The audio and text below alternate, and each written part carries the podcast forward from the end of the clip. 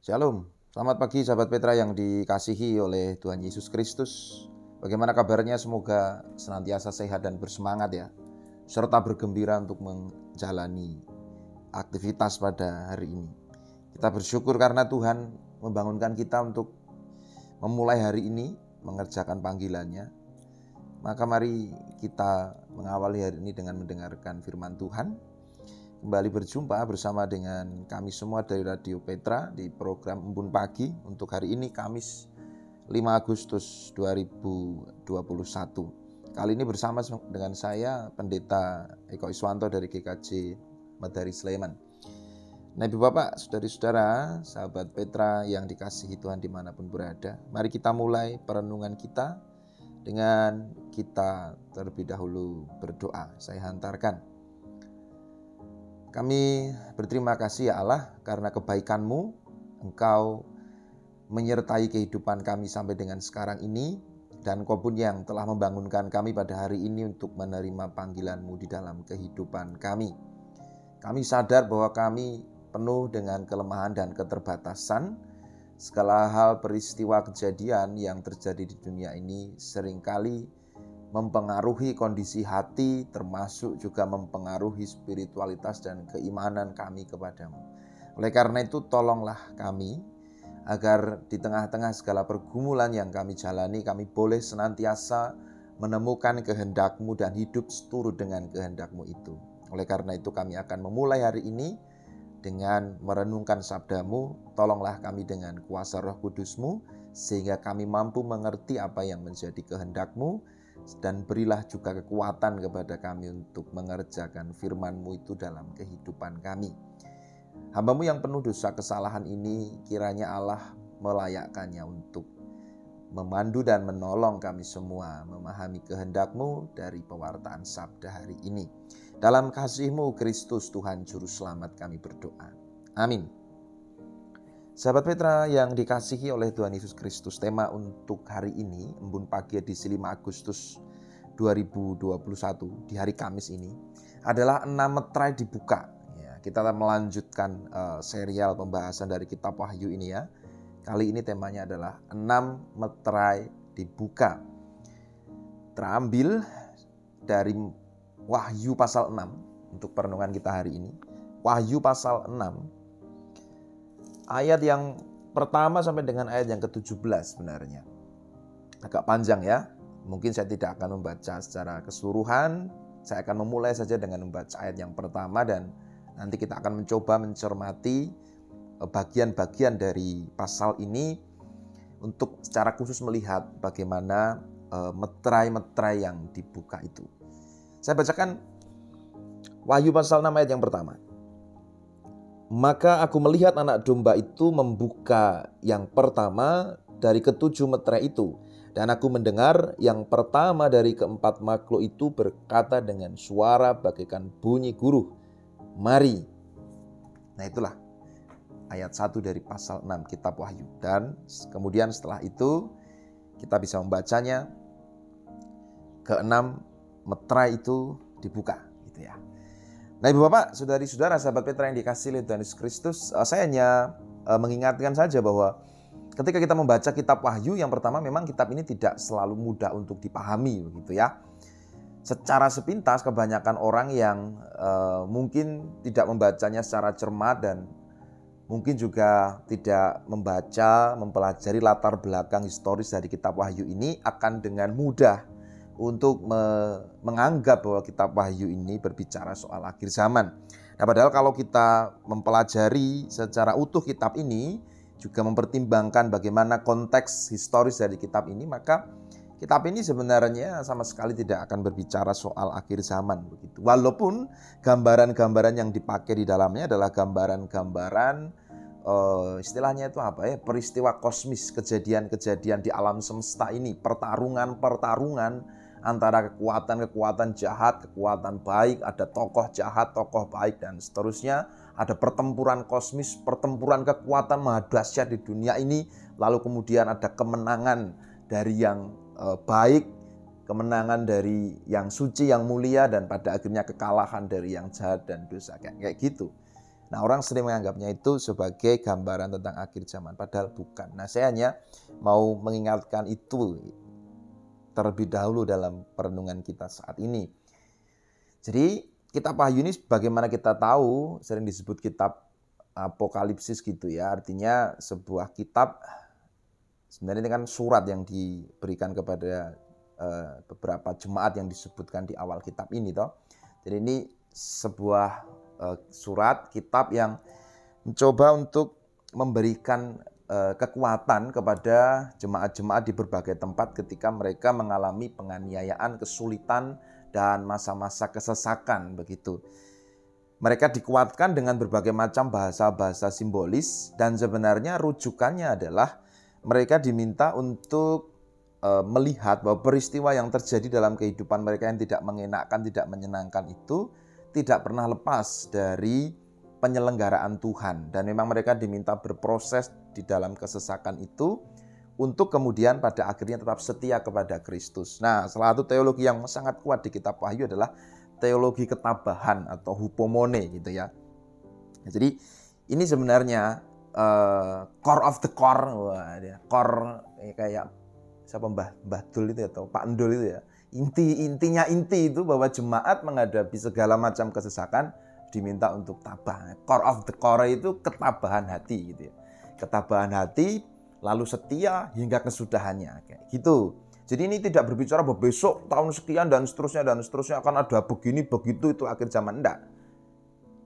Penulis kitab Wahyu Yohanes dalam hal ini secara real mengatakan bahwa jemaat harus bertahan menghadapi setiap kesulitan-kesulitan yang dihadapi dalam konteks kehidupan real mereka pada waktu itu di bawah bayang-bayang pemerintahan Roma. Niku nggih. Nah, sekarang kita mau lihat uh, keenam metre dibuka ini. Saya akan nyakan sepintas saja mungkin karena waktu juga terbatas ya. Nah, metre yang pertama itu di ayat yang kedua itu ya. Dan aku melihat sesungguhnya ada seekor kuda putih dan orang yang menunggangnya memegang sebuah panah dan kepadanya dikaruniakan sebuah mahkota lalu ia maju sebagai pemenang untuk merebut kemenangan. Beberapa penafsir termasuk mungkin yang populer di antara kita itu adalah William Barclay ya. William Barclay mengingatkan bahwa sebenarnya ada tafsir yang tidak terlalu tepat untuk hal ini. Beberapa penafsir mengatakan bahwa uh, yang menunggang kuda putih ini adalah Kristus begitu. Padahal sebenarnya kalau kita baca secara utuh termasuk bagian-bagian sebelumnya dan bagian sesudahnya ini sebenarnya bukan berbicara soal Kristus gitu karena ini belum belum menyampaikan soal bagaimana kemenangan Kristus. Ini Barclay mengatakan ini eh,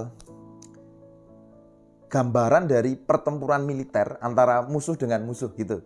Jadi ini ada di satu sisi ada jemaat yang berhadapan dengan uh, kekuatan apa? kekuatan militer kerajaan pada waktu itu. Nah, ada kerajaan-kerajaan yang saling bertempur. Nah, salah satu rujukannya penunggang kuda putih ini adalah kerajaan Persia gitu ya. Artinya waktu itu jemaat yang sedang ditindas oleh pemerintahan Roma pada waktu itu penulis Yohanes mengingatkan bahwa hey, kamu memang sedang berada dalam kondisi yang kacau balau ini Artinya apa? Kamu sedang ditindas Roma, tapi lihatlah bahwa memang kekacauan yang lebih besar akan segera terjadi. Roma yang sedang menindasmu ini dia sedang berhadapan dengan kekuatan Persia.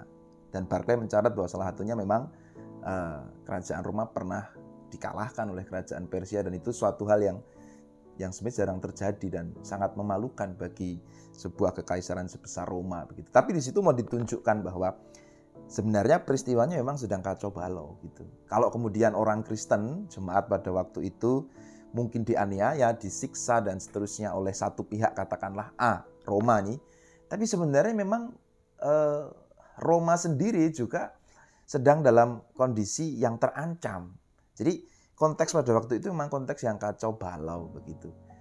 Jemaat-jemaat Kristen diajak untuk melihat bahwa mereka ada dalam konteks yang kacau balau sehingga sebenarnya di satu sisi tidak perlu terlalu merasa eh, apa ya merasa disolimi merasa eh, sangat menderita atau apa pun semua orang mengalami penderitaan itu nah kalau dalam kondisi itu jemaat Kristen lebih mengalami penderitaan daripada yang lain ya mau nggak mau sekali lagi mereka harus tabah dan kuat begitu. Ini baru meter yang pertama ya bahwa ketika meter itu dibuka tanda dari meter itu adalah ingin menunjukkan uh, dunia memang sedang kacau balau. Sekarang sedang kacau balau nggak ya? Ya, kita akan lihat nanti, tapi sebenarnya kitab Wahyu ini memang secara relevan berbicara untuk berbagai zaman karena kekacauan di dunia ini ya terjadi berkali-kali toh. Tetapi bukan berarti setiap kekacauan mengantar kepada akhir zaman toh. Itu ya, kita sudah terlihat ya bahwa memang kitab Wahyu tidak lalu berbicara prediksi akhir zaman begini begitu, tetapi sebuah konteks yang akan selalu terjadi di tengah-tengah dunia ini. Sehingga memang sangat relevan untuk semua jemaat di dalam uh, di apa di zaman mana pun karena memang mereka akan selalu mengalami kekacauan entah dalam intensitas besar ataupun kecil. Nah sekarang yang kedua. Dan ketika anak domba itu membuka meterai yang kedua, aku mendengar makhluk yang kedua berkata, Mari, dan majulah seekor kuda lain, seekor kuda merah padam dan orang yang menungganginya dikaruniakan kuasa untuk mengambil damai sejahtera dari atas bumi, sehingga mereka saling membunuh dan kepadanya dikaruniakan sebilah pedang yang besar. Poinnya adalah penglihatan tang kuda ini bahwa Eh, penunggangnya diberi kuasa untuk mengambil damai sejahtera. Ini berbicara bahwa jemaat-jemaat, kalau kita bicara konteks waktu itu ya jemaat-jemaat Kristen yang dikirimi surat itu, ketujuh jemaat yang dikirimi surat wahyu ini diajak untuk melihat bahwa setiap upaya-upaya yang yang berusaha menghilangkan damai sejahtera tentu saja di situ adalah eh, kuasa-kuasa yang tidak dikehendaki oleh Allah.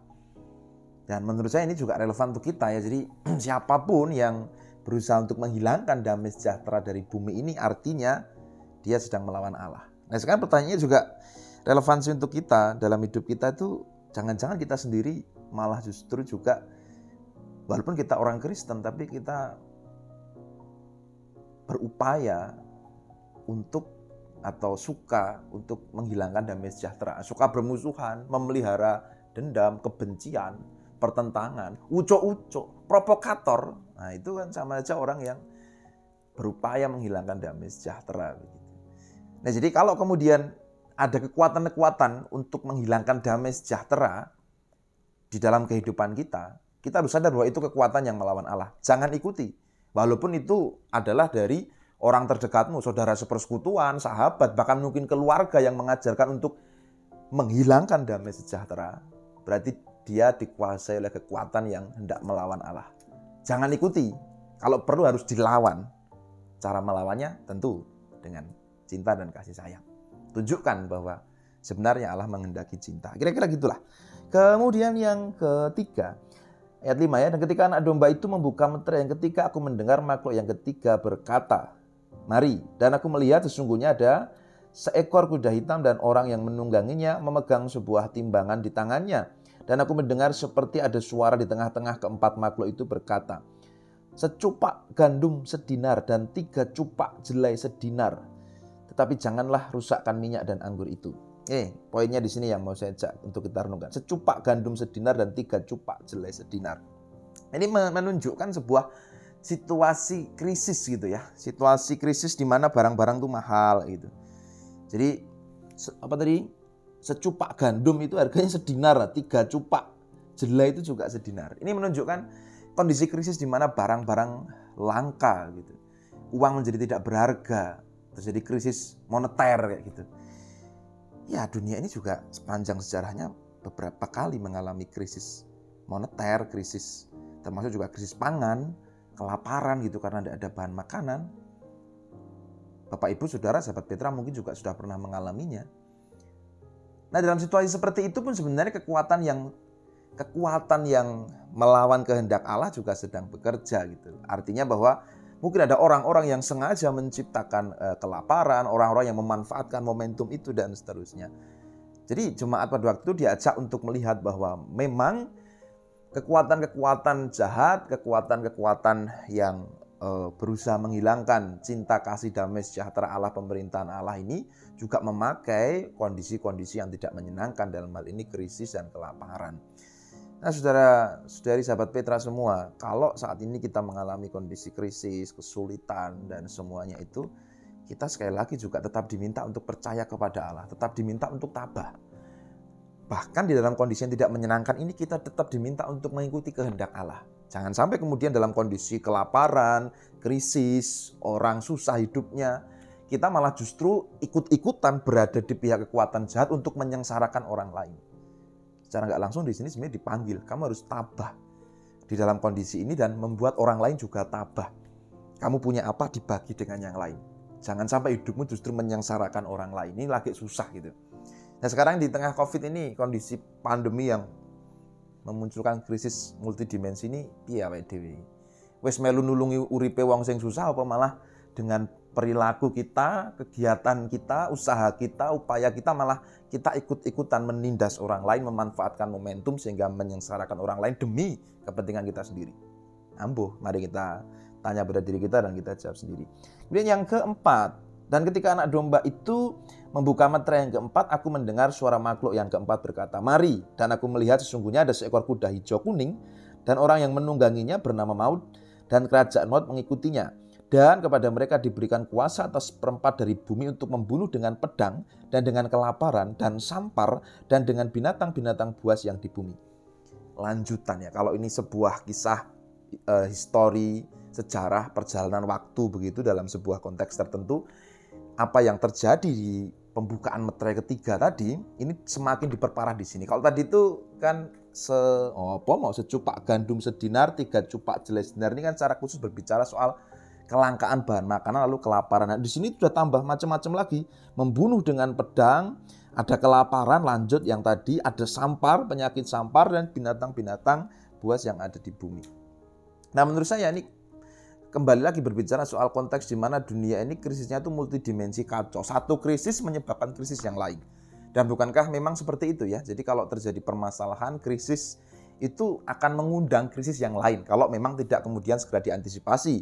Apalagi kalau ada orang yang sengaja memanfaatkan momentum krisis itu demi kepentingannya sendiri. Wah itu nanti kalau semakin banyak orang memanfaatkan, wah krisis-krisis yang lain sudah siap terjadi tuh. Nah sekali lagi dalam kondisi seperti itu juga kita sebagai orang Kristen diminta untuk tabah, diminta untuk justru semakin menguatkan iman kita dan dalam kondisi yang sulit itu justru semakin menempa kita menjadi orang yang seturut dengan apa yang diinginkan Tuhan. Tidak pernah kehilangan kepercayaan bahwa Tuhan memang sedang terus berkarya walaupun kondisinya sulit dan susah. Tuhan sedang merendah berkarya walaupun orang Kristen harus susah menderita jangan menyerah, jangan tinggalkan Tuhan. Tuhan sedang berkarya akan menunjukkan sebuah uh, hasil akhir yang mulia, yang kudus, yang tak terbinasakan untuk semua lah. Kalau di situ kita sedang dalam krisis seperti itu kita menyerah meninggalkan Tuhan, tidak lagi tabah atau tetap menjadi orang Kristen tapi perilakunya belas sama sekali nggak Kristen, ya berarti kita gagal itu. Kita tidak pada, pada akhirnya tidak ikut jadi pemenang bersama dengan Tuhan. Kira-kira begitu kalau di pembukaan metre yang uh, ketiga tadi satu krisis mungkin kita masih oke-oke aja. Tapi kalau udah nambah lagi tuh krisisnya macam-macam seperti pembukaan metre keempat, tetap setia kira-kira awake dhewe Gusti Allah. Setia Pak saya masih Kristen. Iya, tapi perilakumu Kristen ora. Tetot. Itu ya Bapak Ibu yang keempat. Sekarang yang kelima. Dan ketika anak domba itu membuka meterai yang kelima, aku melihat di bawah misbah jiwa-jiwa mereka yang telah dibunuh oleh karena firman Allah dan oleh karena kesaksian yang mereka miliki. Dan mereka berseru dengan suara nyaring katanya, berapa lamakah lagi? Ya penguasa yang kudus dan benar engkau tidak menghakimi dan tidak membalaskan darah kami kepada mereka yang diam di bumi dan seterusnya. Ini kondisinya itu semakin semakin ngeri gitu ya. Jadi kalau dalam konteks waktu itu di mana terjadi berbagai macam krisis termasuk peperangan, orang-orang Kristen yang diidentifikasi dalam kisah ini sebagai orang-orang yang eh, apa yang kudus, sebagai orang-orang yang dibunuh oleh karena firman Allah, ini meronta-ronta gitu ya. Artinya mereka itu kondisinya sampai ada orang-orang Kristen yang menjadi martir. Menjadi martir itu bukan karena dia mati lalu dibunuh karena dia Kristen, bukan. Tapi dia mati, dia dibunuh karena dia melakukan firman Tuhan. Kondisinya sampai seperti itu. Jadi karena orang setia kepada Tuhan, dia tidak mau berbuat jahat, dia dibunuh. Dia tidak mau uh, korupsi, dia dibunuh. Dia tidak mau mencuri, dia dibunuh. Dia tidak mau berlaku busuk, dia dibunuh. Kira-kira gitu. kondisinya sampai seperti itu dan jiwa-jiwa orang yang dibunuh ini pun seperti bertanya kepada Allah, kepada Tuhan, sampai kapan ini? Berapa lama lagi? Nah, Saudara, kondisi seperti ini juga selalu terjadi dalam berbagai macam uh, masa dan waktu gitu ya, tentang kemartiran di dalam Tuhan itu sudah terjadi berkali-kali gitu. Ada yang terekspos, tercatat, ada yang tidak. Nah bahkan dalam kondisi seperti itu pun kita diminta untuk setia kepada Allah. Setia untuk tetap percaya namun juga hidup seturut dengan firman-Nya itu. Bukan hanya jadi orang Kristen tapi Tuhan menghendaki apa toh? Nah tak lakoni walaupun sampai taruhannya nyawa, taruhannya mati. Ini loh. Jadi konsekuensi iman Kristen sampai di situ. Iman Kristen sampai kemudian kita harus siap martir. Nih sekali lagi martir karena melakukan firman Tuhan. Nah, itu yang berbicara itu pendeta Eko itu gimana itu? Sampai berani nggak? Nah ini tuh bukan hanya untuk jenengan firman ini, tapi untuk saya juga. Kita harus berjuang bareng. Jadi kalaupun kesulit, sekarang kita dalam kondisi kesulitan hidup, wangel banget, wes sampai wah wes susah, banyak pergumulan, tapi kita belum sampai mengalami kemartiran itu pun tetap semangat. Wong karena kalaupun kita sampai menjadi martir karena melakukan firman Tuhan, Tuhan katakan harus tetap semangat, tabah. Kehidupan tidak hanya sekarang ini, tapi juga kehidupan yang tak terbinasakan. Ini bukan kami surgan, tapi ini pengharapan yang dimiliki oleh orang-orang yang sungguh setia kepada Allah. Hanya orang yang setia kepada Allah, yang tabah, yang hupomone, yang tetap hidup dalam firman-Nya, yang boleh berharap kehidupan kekal. Niku kudune. Jadi kalau ada yang nyinyir, wah eh kok firmannya kami surganan ini, mencoba mengalihkan penderitaan dunia pada sesok yang di surga sana gitu ini seperti bobokan umat. Bot dan saya mengajak kita setia dengan firman Tuhan tetap menghidupi firmannya walaupun taruhannya mati. Dan yakinlah bahwa sebenarnya hanya orang-orang yang siap mati dengan sungguh dalam firman Tuhan. Artinya tetap berbuat baik mengikuti kehendaknya walaupun ditentang oleh dunia. Itu yang layak berharap pada kehidupan kekal. Nek gur sak penake dhewe urip ya isen-isen nek berharap hidup kekal. Saudara, sahabat Petra yang dikasih oleh Tuhan Yesus Kristus. Itu tadi bahwa di dalam kondisi yang sulit seperti itu pun kita diminta untuk tetap tabah dan uh, setia.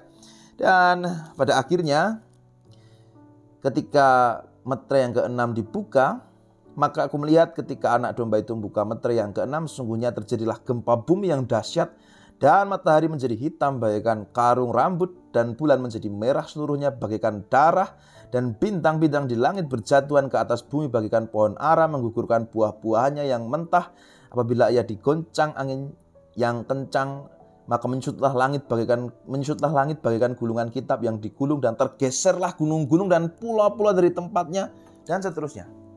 Kondisinya sudah semakin ngeri bencana alam terjadi, kondisi bumi gonjang-ganjing. Inilah ketika dunia itu goncang semuanya.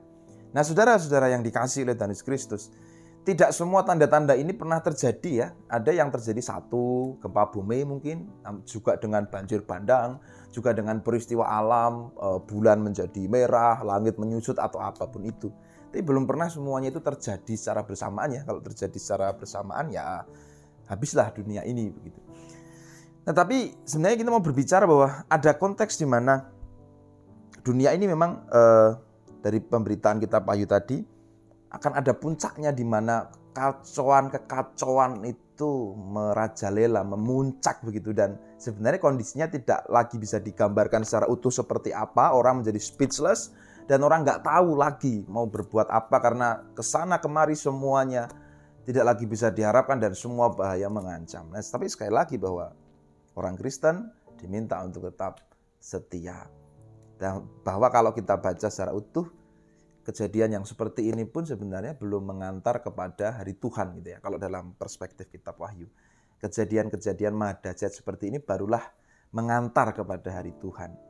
Jadi belum tentu juga ketika peristiwa-peristiwa besar terjadi semacam ini lalu hari Tuhan akan datang. Belum tentu juga gitu. Masih panjang nih perjalanan kitab Wahyu dan nanti akan kita teruskan pada uh, edisi Embun Pagi selanjutnya. Tapi yang mau sampaikan hari ini adalah bahwa dalam kondisi sesulit apa pun, kita diminta untuk tetap tabah dan setia kepada Tuhan. Tabah dan setia artinya tetap menjadi orang-orang yang percaya kepada Tuhan, percaya kepada Kristus dan setia mengerjakan firman-Nya. Walaupun taruhannya bahkan taruhan terbesarnya adalah mati tadi. Kal maka kalau kita mengalami kesulitan sampai sekarang ini wong rong ngantek mati we, ayo tetap tetap setia. Tetap menjadi orang Kristen bukan hanya Kristen KTP tapi Kristen yang melakukan firman Tuhan. Nah, apalagi orang belum mengalami situasi yang sampai harus menjadi martir ya. Bahkan kalaupun kita pada akhirnya harus menghadapi ancaman menjadi martir karena kita melakukan firman Tuhan, ya kita pun harus siap. Tapi yakinlah bahwa Tuhan senantiasa akan berada di pihak yang baik, yang benar, dan yang menang. Jadi kalau dunia ini kacau balau penuh pergumulan kita sedang ditempa, jangan menyerah. Termasuk di tengah pandemi ini, kita sedang ditempa supaya hidup kita semakin setuju dengan kehendak Tuhan. Jangan menyerah, tetaplah menjadi anak-anak Tuhan yang baik, yang setia, yang tabah, yang mengerjakan firman-Nya di tengah-tengah pandemi ini. Oke, begitu sudah terlalu panjang. Selamat menjadi tabah dan setia dan selamat mengerjakan firman Tuhan tetap menjadi pelaku firman-Nya dalam pergumulan sesulit apa pun. Karena Tuhan sedang berkarya dan Tuhan sedang menyelenggarakan kehidupan ini agar seturut dengan rancangannya yang agung dan indah. Oke, Tuhan Yesus berkati. Nah, seterusnya mari kita bersyukur kepada Tuhan dalam doa. Setelah tadi Tuhan menolong kita untuk memahami firman Tuhan ini walaupun mungkin tidak terlalu jelas, tapi biarlah Tuhan sendiri akan membuat kita mampu memahami dan mengerjakan firman-Nya itu walaupun sedikit demi sedikit. Mari kita berdoa. Kami berterima kasih ya Allah karena kebaikan-Mu Engkau telah mengajak kami untuk belajar dari kesaksian uh, kitab Wahyu, maka biarlah kami menjadi tabah, kami menjadi setia dalam segala situasi dan kondisi sesulit apa pun Biarlah kami tetap menjadi pelaku firman-Mu dalam kondisi dunia ini yang penuh dengan pergumulan dan tantangan. Biarlah semua kesulitan bahkan mungkin juga krisis yang kami alami, krisis kesulitan yang tidak kami duga, yang belum kami ketahui yang mungkin akan terjadi, biarlah kami tetap tabah, kami tetap setia, dan kami tetap menjadi anak-anakmu yang mengerjakan firman. Terima kasih kami telah belajar dari saksian kitab Wahyu tentang pembukaan keenam metra ini dan biarlah kami boleh mengambil intisari, nilai-nilai yang kau kehendaki untuk kami kerjakan, kami praktekkan dalam kehidupan kami di tengah pandemi ini yang juga mengalami berbagai macam kesulitan dan pergumulan. Kami berdoa supaya kami semua yang saat ini isolasi menjalani proses pemulihan boleh mendapatkan kekuatan, ketabahan, semangat untuk bisa pulih dan yang berduka Tuhan memberikan penghiburan yang terus berkarya untuk merawat menjaga memulihkan kehidupan, Tuhan juga sertai mereka semua apa pun posisinya, apa pun profesinya, Tuhan kiranya memberkati mereka semua dan biarlah kami semua di tengah pandemi ini semakin mampu untuk melakukan kehendakmu dalam kehidupan kami sehari-hari ketika kami berjumpa berinteraksi dengan setiap orang di sekitar kami. Biarlah cinta, kasih sayang, solidaritas, persahabatan membuat kami boleh melalui pandemi ini bersama-sama dengan penuh cinta dan kasih sayang satu sama lain. Demikian ya Allah doa dan permohonan kami, rasa syukur kami, kami naikkan kepadamu dalam nama Tuhan kami Yesus Kristus Juru Selamat kami. Amin. Sahabat Petra yang dikasih oleh Tuhan Yesus Kristus, demikian embun pagi untuk edisi hari ini Kamis 5 Agustus 2021. Mohon maaf kalau ada kesalahan, ada kekurangan. Mungkin juga saya menyampaikan uh, renungan hari ini terlalu cepat karena memang bahannya panjang gitu ya. Jadi uh, sayang kalau tidak dibahas satu persatu tadi ayatnya tadi gitu dan memang harus dibahas utuh tuh. Jadi mohon maaf kalau terlalu cepat atau tidak jelas begitu. Semoga Tuhan sendiri akan membuat panjenengan jelas tentang firman-Nya dan melakukan kehendaknya itu dalam kehidupan uh, panjenengan dan saya khususnya untuk hari ini. Baik, selamat menjalani kehidupan untuk hari ini. Jangan lupa untuk senantiasa mengasihi setiap orang yang kita jumpai, tetap sehat, tetap semangat dan bersuka cita.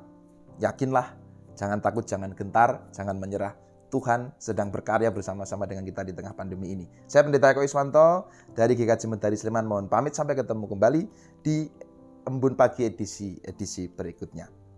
Tuhan Yesus memberkati. Amin.